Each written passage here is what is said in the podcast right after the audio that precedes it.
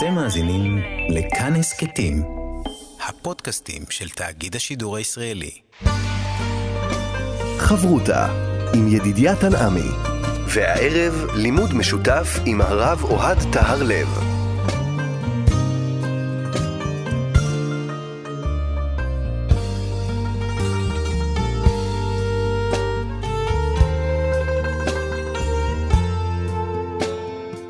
שלום, כאן מורשת חברותא לימוד משותף עם רבנים ואנשי חינוך בנושא תנ"ך, הלכה ואמונה.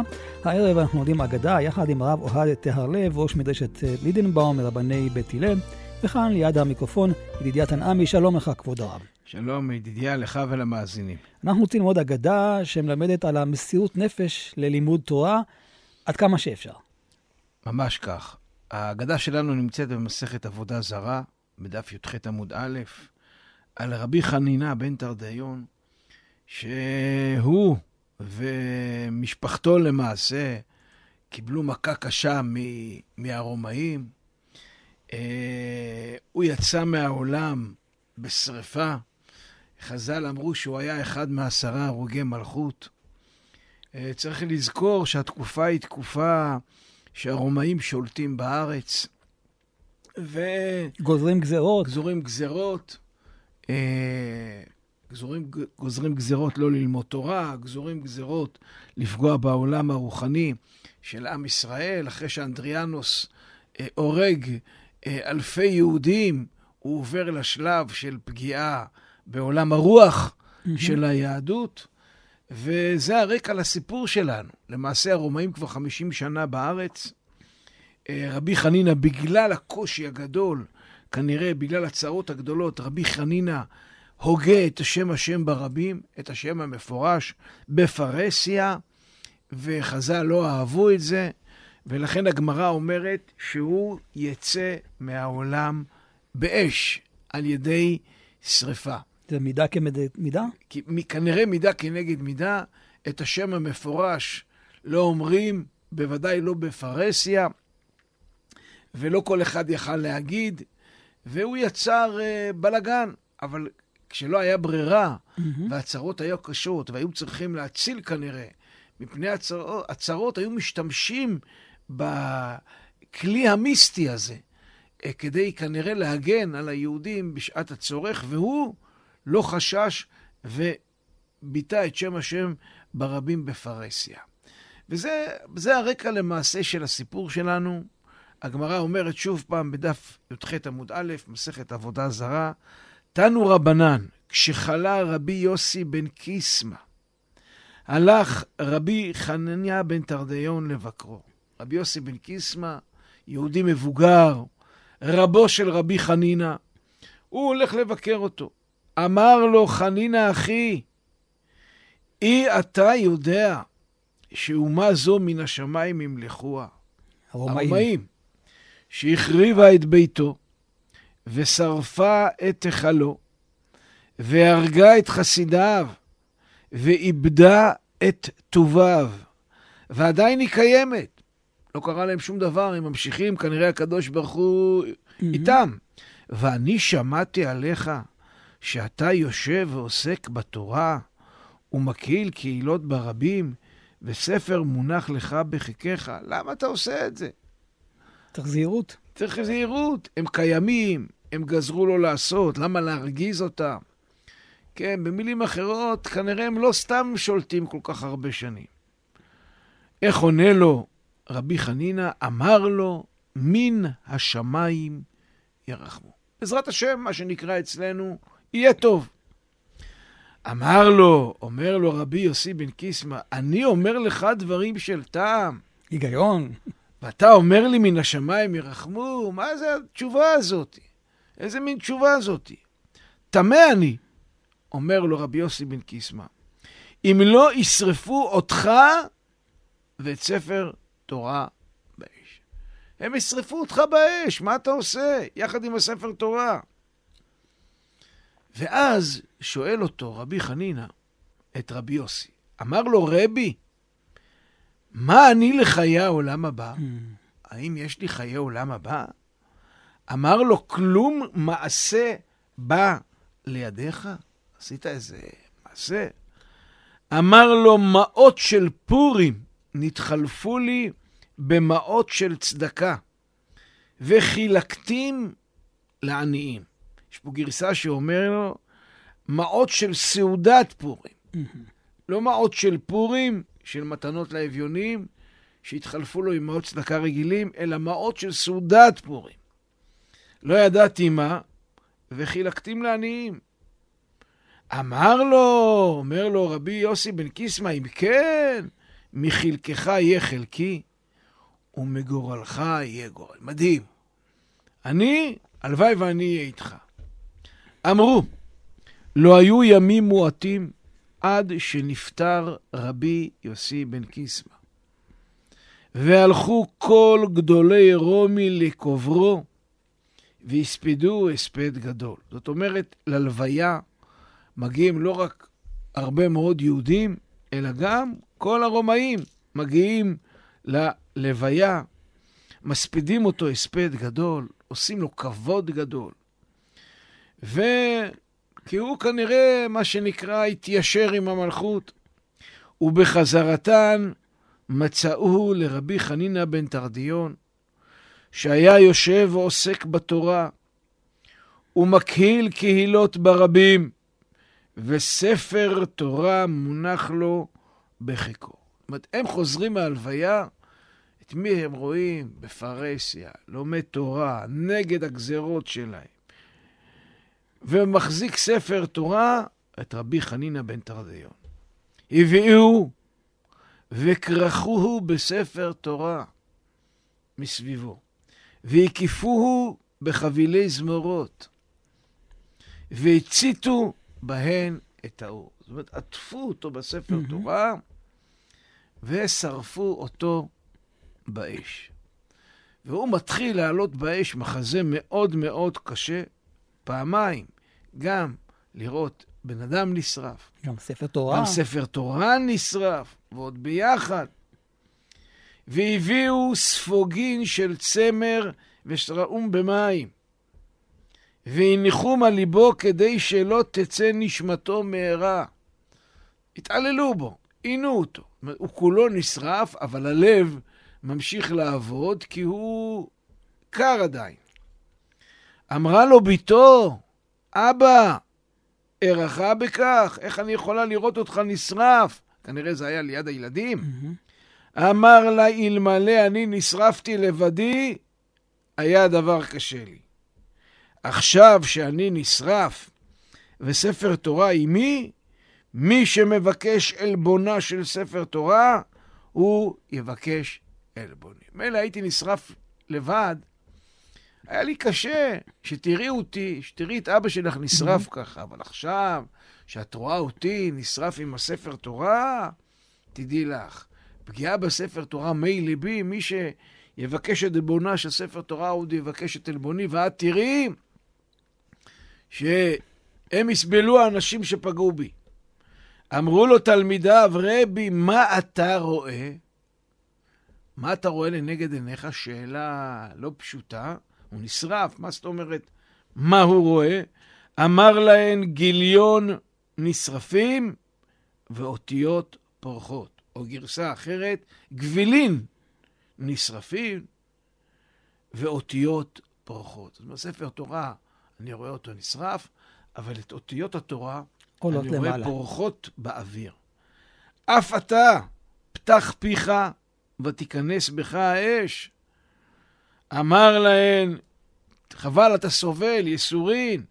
אמר להן, מוטב שיתלנה מי שנתנה, וואו. ואל יחבל הוא בעצמו. כי זה נחשב מתאבד. אני לא רוצה לזרז את המוות שלי. אמר לו קלצטונירי, התליין שהיה שם, רבי, אם אני מרבה בשלהבת ונוטל ספוגין של צמר מעל לבך, אתה מביאני לחיי העולם הבא? אני בסך הכל יזרז, mm-hmm. שלא תסבול הרבה, יזרז את מיתתך. אמר לו, הן, יישבע לי, נשבע לו. מיד הרבה בשלהבת, ונטל ספוגין של צמר מעל ליבו, כדי להוריד לו את הייסורים, יצאה נשמתו במהרה. אף הוא קפץ ונפל לתוך האור, אותו תליין. יצתה בת קול ואמרה, רבי חנינא בן תרדיון וקלצטונירי, התליין הזה, מזומנים הן לחיי העולם הבא. בכה הרבי ואמר, יש קונה עולמו בשעה אחת, ויש קונה עולמו בכמה שנים. זאת אומרת, רבי אומר, הגוי הזה, התליין הזה, זכה לעולם הבא בשנייה. על ידי מה הוא עשה? מה, מה הוא עשה? הוא פשוט מיהר את מיתתו של רבי חנינא. זה הסיפור, סיפור קשה מאוד על איך מת אחד מעשרה הרוגי מלכות, ומה היה קודם, לפני מה שקרה. ויש לנו המון שאלות על ההגדה המדהימה והקשה הזאת. שאלה ראשונה, מדוע רבי יוסי בן קיסמא לא רצה שרבי חנינא, בן תרדיון, ילמד תורה ברבים? מה הפריע לו? מדוע רבי חנינא שואל את רבי יוסי בן קיסמא האם הוא בן עולם הבא? וכי יש הווה אמינא שאדם כזה שמוסר את נפשו לתורה אין לו עולם הבא? הרי מי אם כן יש לו עולם הבא? מה משמעות התשובה מן השמיים ירחמו? איזה מין תשובה זאת? מדוע רבי יוסי אומר, טמא אני שלא ישרפו אותך ואת ספר התורה באש? האם הוא ידע משהו שרבי חנינא לא ידע? שהרי אנחנו יודעים שבסוף... זה מה שקרה. זה מה שקרה, שרפו אותו באש. מה משמעות השאלה? כלום מעשה בא לידך? מעשה אחד מספיק. כן, מה זה המעשה הזה? מה מיוחד במעות של פורים שהתחלפו לו במעות צדקה? וכי מדוע בגלל מעשה כזה הוא יזכה לעולם הבא יותר מכל מעשה אחר שהוא עשה? כן, וכביכול אפילו כנראה יותר מכל לימוד התורה שהוא לימד. מה משמעות הביטוי מחלקך יהיה חלקי ומגורלך יהיה גורלי? מה ההבדל בין חלקי לגורל, לגורלי? מה ניתן ללמוד שגדולי רומי הולכים ללוויה של רבי יוסי בן קיסמא ומספידים אותו בהספד גדול? למה הם הספידו אותו? למה הם אהבו אותו? מה משמעות הביטוי ספר תורה מונח לו בחיקו? מה, מה זה מונח אצלו? מדוע כורכים אותו בספר תורה? הפוך, מדוע שורפים אותם ביחד באש? מה מסומל באש דווקא? כן, למה מעניין אותנו בסיפור מה בתו אומרת לו פתאום, ומה הוא עונה לה? מה זה מוסיף לי לסיפור? כן, הביטוי הזה, מי שיבקש את עלבונה של תורה, יבקש את עלבוני. ממה נעלב רבי חנינא? ומדוע הוא מבקש מהקדוש ברוך הוא שידרוש את עלבונו? ממה הוא נעלב? אמרו לו שאסור ללמוד תורה. מה המשמעות של הביטוי גבילין נשרפים ואותיות פורחות? למה הוא צריך לפתוח את פיו שהאש תיכנס אליו? וכי פיו לא היה פתוח? הוא דיבר הרי, כן. הפה שלו היה פתוח. מדוע תלמידיו שואלים אותו, מה אתה רואה? מה, מה, מה, מה משמעות השאלה? מה הם חשבו שהוא רואה שהם לא ראו? מה הרעיון של התליין הזה? למה הוא נכנס לסיפור חייו של רבי חנינא ועוד מקבל עולם הרע? פתאום בום, אוני, הוא לא הכיר אותו, הוא בא ועשה לו רע, ופתאום נכנס פנימה לסיפור. מה ניתן ללמוד מכך שהתליין הזה מקבל עולם הבא? ולא רק זה, בסוף יוצאת בת קול שמאשרת את זה. האם היא יוצאת בגלל התליין או בגלל רבי חנינא? לא ברור לנו. האם יש קשר בין סופו של רבי חנינא לבין מעשיו בהקשר של לימוד תורה? זאת אומרת, האם בהכרח מי שעושה את המעשה של מלמד תורה ברבים, בניגוד לגזרות של הרומאים, הוא דווקא צריך לקבל עונש של שרפה, של אש. מה ניתן ללמוד מסופו? האם הוא נהג כשורה שהוא לימד תורה ברבים כשהרומאים מסרו זאת? מה הקשר בין שהוא הגה את שם השם ברבים לבין כיצד הוא יוצא מהעולם? וזאת שאלה גדולה, האם זה עונש? או דווקא הפוך, מעלה גדולה. או שמא הצדיקים, כמו רבי חנינא, העונש אצלהם זה מעלה גדולה. וכמובן, מה שמעניין אותנו זה מה ניתן ללמוד מהאגדה הזאת לימינו אנו. תראה, יש פה המון שאלות. אני לא בטוח שנצליח לגעת בכולם, אבל נשתדל שהשאלות, הם אה, ככה, נחבר אותן ביחד ונוציא איזושהי הסתכלות עמוקה נוספת על הסיפור. חברותה עם ידידיה תנעמי. חברותה בהגדה כאן במורשת, יחד עם הרב אוהד טהרלב, ואנחנו עוסקים בסיפור הזה של חנינה בן תרדיון, וזה שהוא לומד תורה ברבים, זה שהוא מקהיל קהילות, האם הלימוד התורה הזה לכאורה, זו צריכה להיות המעלה הגדולה, שבסופו של דבר הוא אמור להינצל מזה. למה צריך לחפש דווקא את הסיפור של איזה מעשה קטן שהוא עשה? או, תראה, באמת, מה, מה מביא אותו לשאול? האם, כמו ששאלנו, יש לו חלק לעולם הבא? כאילו, מה, אתה שואל אם יש לך חלק לעולם הבא? אה, ניתן לומר שרבי חניניה, כשהוא שואל את רבי יוסי האם יש לו חלק לעולם הבא, הוא מבין שלימוד תורה לא מקנה לי תעודת ביטוח לעולם הבא. למה? כי אדם צריך מעשים. לימוד ומעשה... שאלה גדולה. שאלה גדולה. אנחנו מכירים את זה, כן? נמנו וגמרו בעליית רבי טרפון. תלמוד גדול. תלמוד גדול או מעשה גדול, ונמנו וגמרו שמעשה גדול. למה? גדול תלמוד שמביא לידי מעשה. משפט בעייתי קצת, אז מה גדול? התלמוד הוא המעשה, המטרה זה המעשה. Mm-hmm. לכאורה מפשט הסוגיה שם בקידושין עולה שהמעשה יותר גדול. זאת אומרת, אתה יכול ללמוד תורה כל חייך. התלמוד הוא הדרך שמביא לידי המעשה. הוא האמצעי. כן. אתה יכול ללמוד תורה כל חייך, אבל אם לא עשית מעשים, מה זה שווה?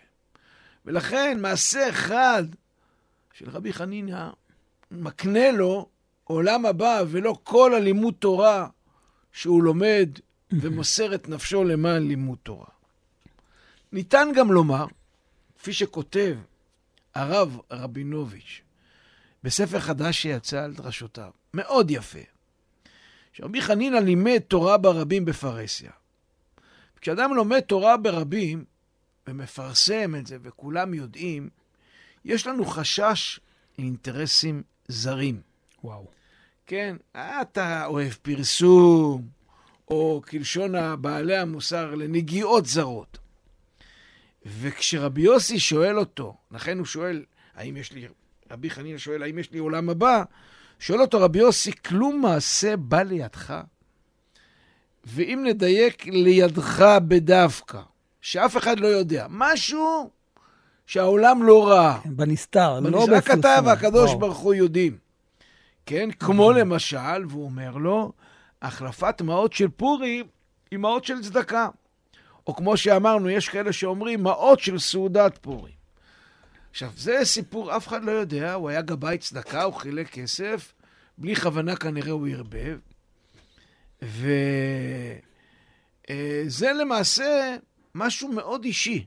וכשרבי יוסי רואה שמעשה בא לידו, והוא אומר, הכל שם נ, נ, נעשה שם לשם שמיים בלי שום איזושהי נטייה זרה, אומר לו רבי, יוס, רבי יוסי, אומר לו, יהיה חלקי איתך בחלקך בתורה, וגורלי עם גורלך במעשים שעשית.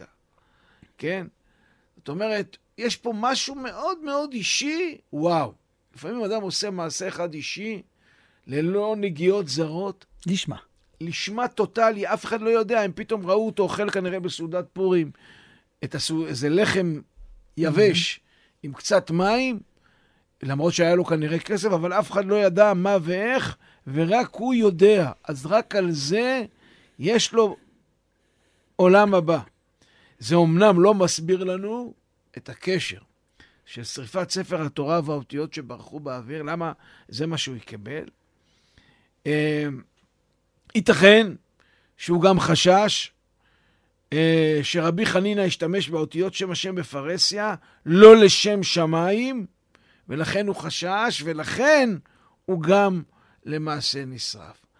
אבל אומר הרב רבינוביץ', בסופו של דבר, אתה עושה מעשה אחד שבא לידך, לידך, רק שלך, על זה אתה קונה עולם הבא, כי קשה מאוד לעשות. זאת אומרת, יש פה ניגוד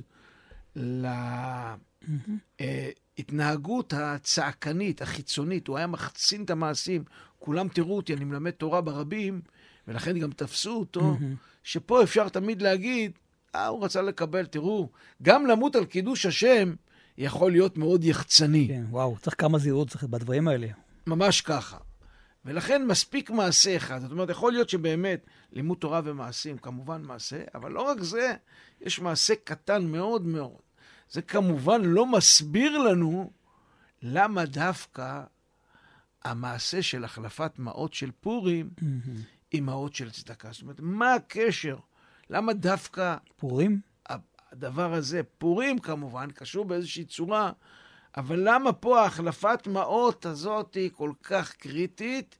אם תרצה, אני כבר רומז, יש פה קצת רמז ונהפוך הוא, להחליף אה. משהו, שהוא משהו מאוד מאוד עמוק, אבל לא רק זה. אז, אז בראייה ראשונה, אה, זה ההסבר הכללי של הסיפור. עוד פעם, הוא לא נותן ביאור על הסוף של רבי חנינא, למה הוא סיים ככה את החיים בצורה כל כך טרגית, ומה סיום החיים קשור לדיון שהיה לו mm-hmm. קודם ועם מה שהוא עשה, שהוא הקיל קהילות ברבים. חברותה עם ידידיה תנעמי.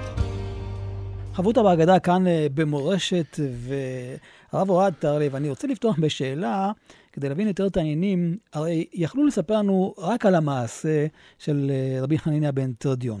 אבל יש כאן מסגרת שפותחת דווקא ברב שלו, בוויכוח הזה של לימוד תורה מול אה, מעשה. מה התפקיד של העמדה הזאת מול רבי יוסי בן קיסמא? אז תראה, קודם כל, מי הוא רבי יוסי בן קיסמא? Mm. מה אנחנו יודעים עליו? אנחנו כן. לא יודעים עליו הרבה, דרך אגב, אבל יש כמה דברים שאנחנו יודעים עליו. למשל, אנחנו מכירים אותו מהמשנה במסכת אבות, בפרק ו', משנה י', אמר רבי יוסי בן קיסמא, פעם אחת הייתי מהלך בדרך, הוא פגע בי אדם אחד ונתן לי שלום, והחזרתי לו שלום. אמר לי, רבי, מאיזה מקום אתה? אמרתי לו, מעיר גדולה של חכמים ושל סופרים אני. אמר לי, רבי, רצונך שתדור עמנו, במקומנו, ואני אתן לך אלף אלפים דינרי זהב ואבנים טובות ומרגליות? הוא הציע לו שליחות. Mm-hmm. בוא, אצלנו אין הרבה אנשים שילמדו תורה, אין הרבה אנשים צדיקים כמוך, בוא תגור איתנו. אמרתי לו, אם אתה נותן לי כל כסף וזהב ואבנים טובות ומרגליות שבעולם, איני דר אלא במקום תורה. לא, אני כל מחיר לא מוכן לשלם, ובלבד שאגור במקום תורה. וכן כתוב בספר תהילים על ידי דוד מלך ישראל, טוב לי תורת פיך מאלפי זהב וכסף. תמיד עדיף לי mm-hmm. לימוד תורה מהרבה כסף. ולא עוד, אלא שבשעת פטירתו של אדם אין מלווין לו לאדם לא כסף ולא זהב, ולא אבנים טובות ומרגליות, אלא תורה ומעשים טובים בלבד. שנאמר, בתלכך תנחה אותך, בשוכבך תשמור עליך, והקיצות היית שיחך. בתלכך תנחה אותך בעולם הזה. בשוכבך תשמור עליך בקבר. והקיצות היית שיחך לעולם הבא. ואומר, לי הכסף ולי הזהב, נאום השם צבא. אין לי מה לעשות עם הכסף. כסף מול לימוד תורה, מול דיור במקום תורה, עדיף לי לגור במקום תורה. זאת אומרת, אם if... לפי זה, או... זה מדהים, הוא איש של תורה, וכל הוויכוח פה היה העניין של לימוד תורה. והנה, אי אפשר לחשוד ברבי יוסי בן קיסמא שאינו אוהב תורה. הוא מוכן לוותר על הרבה מאוד כסף כדי להיות בחברת לומדי תורה, אבל שים לב, הוא לא מוכן לוותר אה. על החיים. זאת אומרת, ללמוד תורה ולוותר על החיים, מה שעושה רבי חנינא בן תרדיון, זה הוא לא מוכן. יש גבול. הוא לא חשוד עלינו על אדם שלא אוהב ללמוד תורה. זה דבר ראשון. עכשיו, מה, מה בעצם טען רבי יוסי בן קיסמא על רבי חנינא בן תרדיון. הפרשנים הקלאסיים בגמרא, מהרשע, בניהו בן יהוידע, טוענים שרבי יוסי טוען כנגדו איך הוא יכול להסתמך על הנס.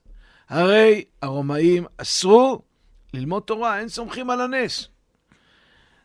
הפירוש שהם נותנים זה בגלל צדיקותו. מעשה בא לידו. זאת אומרת, יש לו על מה לסמוך. יש לו תעודת ביטוח? יש לו איזושהי תעודת ביטוח, הוא צדיק, הוא חסין, לא יקרה לו אחר. אבל מה, מה בעצם טוען פה, מה הטענה, מה הוויכוח מתחת לפני השטח בין רבי יוסי בן קיסמא לרבי חניני בן תרדיון? במילים יותר מודרניות, רבי יוסי קובל על רבי חנינא שהוא משיחי. אתה לא ריאלי. המלכות שולטת כל כך הרבה שנים, גוזרת גזרות, וכנראה לא סתם. אתה טוען, רבי יוסי בן קיסמא, על רבי חנינא, אתה לא ריאלי. אתה משיחי, אתה מנותק מהמציאות, הם בסוף ישרפו אותך. למה אתה עושה את זה? זאת אומרת, רבי יוסי בן קיסמא מיישר קו עם ההנהגה הרומאית. אומרים לא ללמוד תורה, למה? ללכת איתם ראש בראש, לא ללמוד תורה בפרהסיה. הרי באסתר יכול להיות שהוא כן. למד תורה, אבל למה, לא כדאי, לא שווה להסתכן. הרי כתוב בפירוש שלא סתם הם שולטים, זה משהו מהקדוש ברוך הוא. הם שולטים הרבה זמן. Mm-hmm. רבי חנינא לא מוכן בשום אופן ליישר קו. אני אדבק בתפיסת עולמי, ובעזרת השם בסוף ננצח. זאת אומרת, יש לי רעיון, יש לי חזון, העולם יקפוץ לי, מה שנקרא. כן? זה קצת מזכיר לנו, וזה רמז לפורים, למעות של פורים, מעשה שבא לידו שהוא החליף את מרדכי היהודי, שלא היה קורע ומשתחווה. וואו. ו- כן, לאמן, וחז"ל ביקרו אותו על זה. חז"ל אומרים, רצוי לרוב אחיו. למה לא השת... יכלת להשתחוות? למה אתה מרגיז את כולם? למה אתה מסבך את כולם? למה אתה מסבך? אתה לא ריאלי. זאת אומרת, ככה הוא, הוא אולי ראה את עצמו כמרדכי המודרני. ולכן כנראה החלפת מעות פורים ממעות צדקה מתכתבים עם התנהגותו של רבי חנינא בן תרדיון, החוסר העליות, וכאילו למד ממרדכי, הנה תראה, מרדכי הצליח, גם אני אצליח. אבל רבי יוסי בן קיסמא אומר לו, לא, אתה לא ריאלי. גם בהתנהלות בעבודת השם צריך להיות ריאלי, לא להיות משיחי.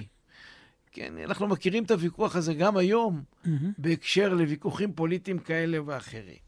עכשיו, פה מתעוררת השאלה, הרי כל הסיפור שלנו הוא, הוא, הוא, הוא, הוא איך זה קשור להגיית שם השם בפרהסיה?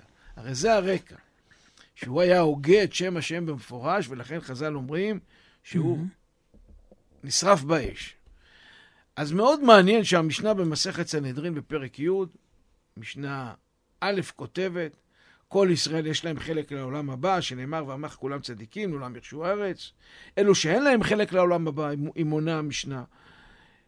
אמר שאין תחיית המתים מן התורה, אין תורה מן השמיים, אפיקורס. רבי עקיבא אומר, אף הקורא ספרים חיצוניים, הלוחש על המכה, ואומר, כל המחלה ששמתי במצרים לא עליך. אבא שאול אומר, אף ההוגה את השם באותיותיו. שזה אומר שם המפורש. שם המפורש. הרי אנחנו יודעים שרבי חנינא mm. הגה את שם השם במפורש. זאת אומרת, שימוש בשם השם המפורש נחשב לעבירה חמורה מאוד. במשך כל תקופת בית המקדש היו משתמשים בו רק בתחומי בית המקדש. הכהנים. כהנים. במקדש, כתוב במסכת סוטה בפרק ז' במשנה ו', במקדש אומר את השם ככתובו, ובמדינה בכינויו.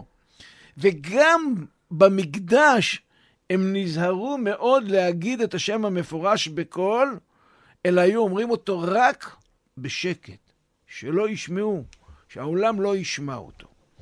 וככה הגמרא אומרת במסכת קידושין בדף ע"א עמוד א', תנו רבנן, בראשונה שם בין 12 אותיות, היו מוסרים אותו לכל אדם. מי שרבו הפריצים, היו מוסרים אותו לצנועים שבכהונה, והצנועים שבכהונה מבליעים אותו בנעימת אחיהם, כן, היו עוברים מין תהליך של mm-hmm. הצניה. תניא, אמר רבי טרפון, פעם אחת עליתי אחר אחי אמי לדוכן, והטאתי אוזני אצל כהן גדול, ושמעתי שהבליע שם בנעימת אחיו הכהנים.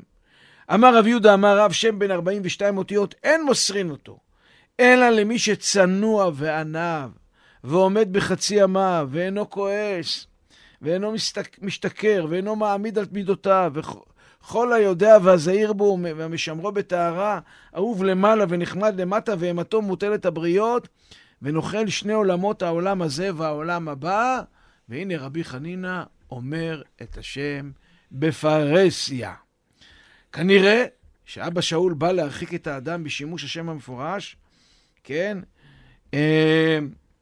המדרש בתהילים טוען ששתי דורות השתמשו בשם המפורש, אנשי הכנסת הגדולה ודורו של שמד, דורו של רבי חנינא, כי לא היה להם כבר ברירה, הם היו צריכים איזשהו כלי מיסטי, כן, הצרות היו כל כך גדולות וכואבות, שהם חיפשו כל דרך להקל על הכאבים.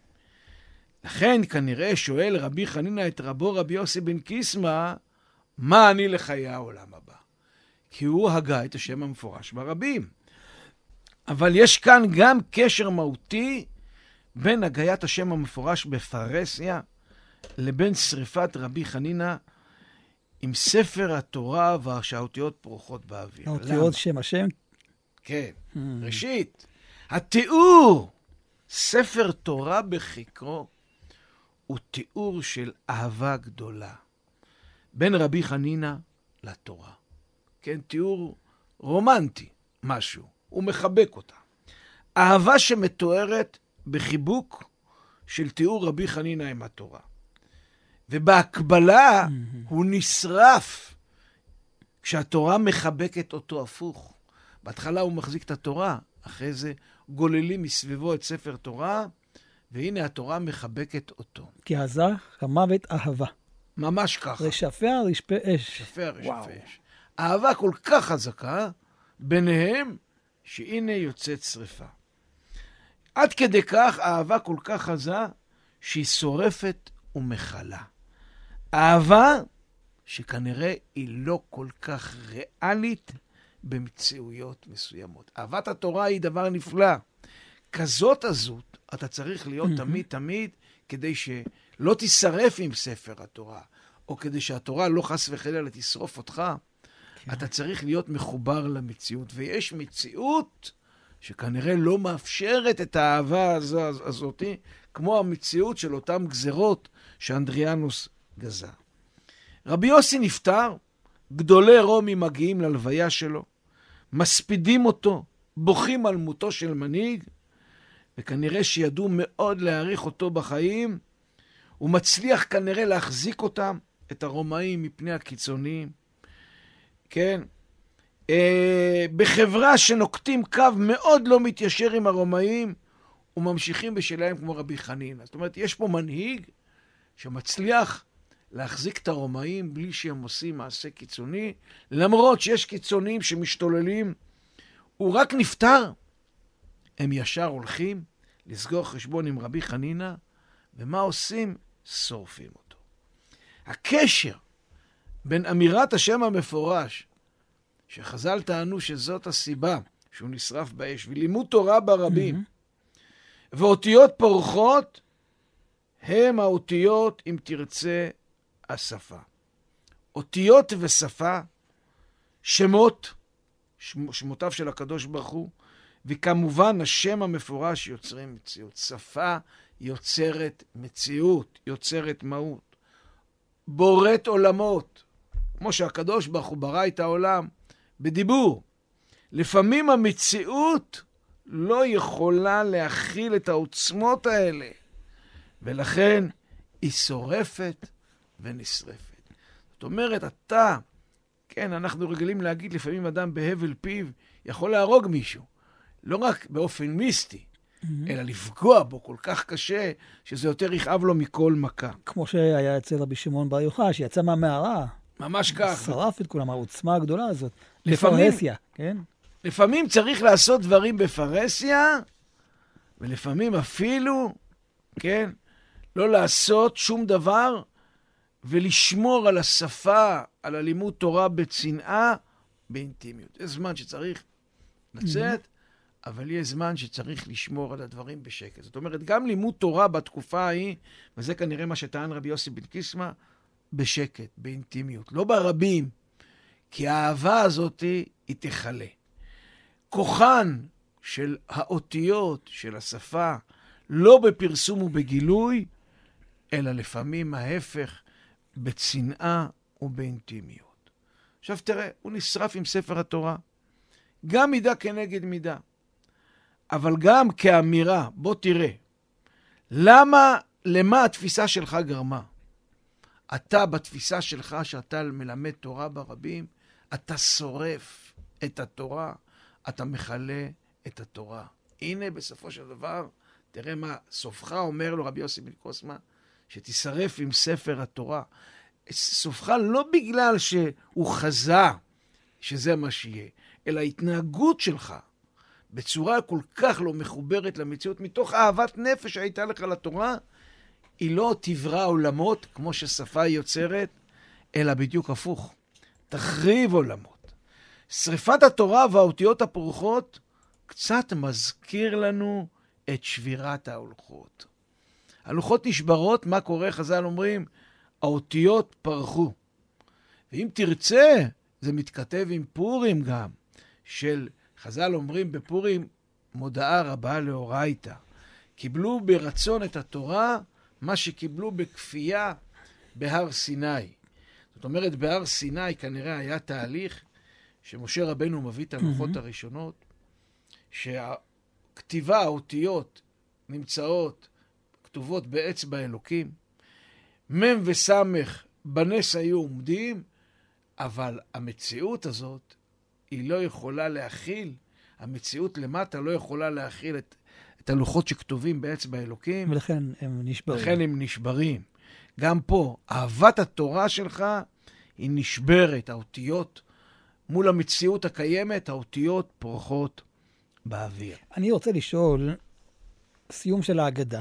האם ההגדה בסופו של דבר מסתיימת עם התפיסה הזאת של רבי יוסי בן קיסמא, שבאמת צריך זהירות, או עם הדעה של רבי חנינא, כי הרי אנחנו שם פוגשים את הגוי הזה, שהוא כביכול אה, משתף פעולה עם רבי חנינא, הוא עוזר לו כדי שהוא יישרף מהר יותר, והוא קופץ לאש ונשרף יחד איתו, והאגדה מסיימת בעניין הזה שגם הוא אה, אה, מזומן לחיי העולם הבא, אפילו יותר מכך, קונה עולמו בשעה אחת.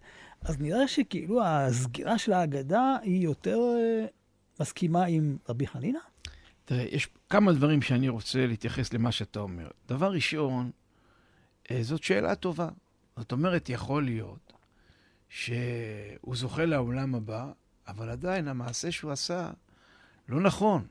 כמו למשל, נדב ואביהו, שגם הם אש זרה, מקריבים אש זרה. כן. ויוצאת אש מן השמיים, ושורפת אותם. הוסיפו אומרת, אהבה על אהבה, יותר מדי. נכון. זאת אומרת, בקרובי הקדש, הם קדושים, יש להם לעולם הבא. אבל זו לא הדרך. אבל זה לא הדרך, המציאות לא יכולה לתפוס אותם. עכשיו תשים כן. לב, שם זה נדב ואביהו. ופה זה זוג, יש פה הרבה זוגות. יש פה רבי יוסי ורבי חנינא. ויש אחרי זה את רבי חנינא וספר התורה. Mm-hmm. הוא, כאילו בת זוג שלו. ואחרי זה... הגוי. הגוי הזה, התליין הזה, מצטרף פנימה, ואם תרצה, התורה ניתנה אש שחורה לגבי אש לבנה. שחור ולבן. שחור ולבן, ויש פה גם מתח, אני חושב, בין התורה שבכתב לתורה שבעל פה. עוד פעם, זוג התורות. מה זאת אומרת? תורה שהיא לא מציאותית, שהיא אלוקית והיא לא מתחברת למציאות, היא בסוף תישבר. היא תישרף. זאת אומרת, התורה מן השמיים חייבת להיות מחוברת למציאות למטה. הלוחות הראשונים נשברים, והקדוש ברוך הוא מצווה את משה, פסול לך, אתה תכתוב. זאת אומרת שהתורה המציאותית תבוא למטה. ויש פה מתח בין מציאות, בין חזון, בין משיחיות, לבין מציאות. זאת אומרת, רבי חנינא ודאי צדק באהבת התורה ובלהט התורה. אבל היישום. היישום שלה במציאות הוא לא תמיד הולך ביחד. וזה אולי ההתכתבות שיש לנו כאן בין מהו לעולם הבא, והוא מספר לו שהוא עשה איזה מעשה קטן. זאת אומרת, לפעמים אתה, יש לך את אש האהבה, אש לימוד התורה, mm-hmm. שהיא עצומה, אבל תכלס. מה שמכריע... מה שמכריע... המעשה. זה כלום מעשה בא לידך. וואו. מעשה ספציפי, אינטימי מאוד שלך, שאף אחד לא ראה, שרק אתה יודע. פה בעולם הזה, כנראה, המעשים מנצחים. ואני חושב שזה סיפור שמלמד אותנו גם על כוחה של שפה, של לימוד תורה, אבל גם על כוחה של ויכוח של חזון מול מציאות, ואם תרצה, מה יכול להביא אותך גם לחורבן mm-hmm. וגאולה. כי אתה יכול לעשות המון טוב, אבל לפעמים הכלים לא יכולים להחזיק את האור עם כל האהבה האדירה שלך. בסופו של דבר, אהבה, אהבת התורה צריך שיהיה לה mm-hmm. על, מה, על מה לחול. כשרבי חנינא וספר התורה נשרפים, האותיות פורחות באוויר. התורה היא תישאר נצחית, אבל לא יהיה לה מימוש. ולכן החיבור למציאות הוא מאוד מאוד מאוד חשוב כאן. יישר כוח גדול, תודה רבה לך, הרב אוהד תהרלב, ראש מדרשת אות לידנבאום, רבני בית הלל, כאן ידידיה תנעמי. אנחנו עוד נשוב וניפגש בחברותה הבאה. ניתן להאזין לתוכנית הזאת באתר כאן מורשת ובשאר יישומי ההסכתים. שלום לך ולמאזינים.